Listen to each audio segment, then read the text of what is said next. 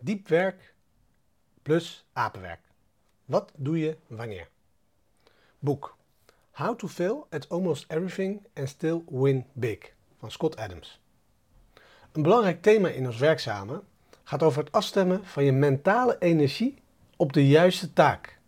De essentie daarvan is dat je niet wil proberen je belangrijkste werk te doen als je mentaal uitgeput bent.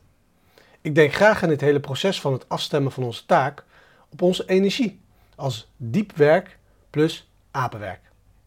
In het boek van Kel Newport, Diep Werk, legt Kel het verschil uit tussen diep werk en het oppervlakkig werk. Het grootste verschil is dat je bij diep werk in tijdsblokken onafgeleid werkt aan één ding.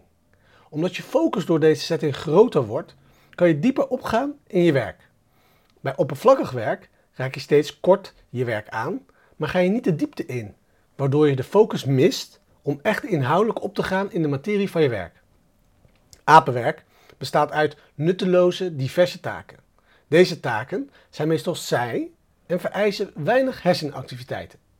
Het soort werk dat ermee gemoeid is, is enigszins professioneel, maar nog steeds eentonig en dom. Dit werk is vergelijkbaar aan wat Cal Newport oppervlakkig werk noemt.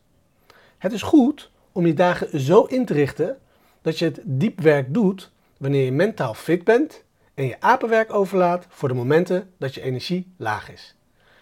De microles van vandaag is: wanneer je jouw meesterwerkdagen samenstelt en jouw mentale energie afstemt op de juiste taak, onderzoek dan waar de tijdsblokken van het soort werk passen.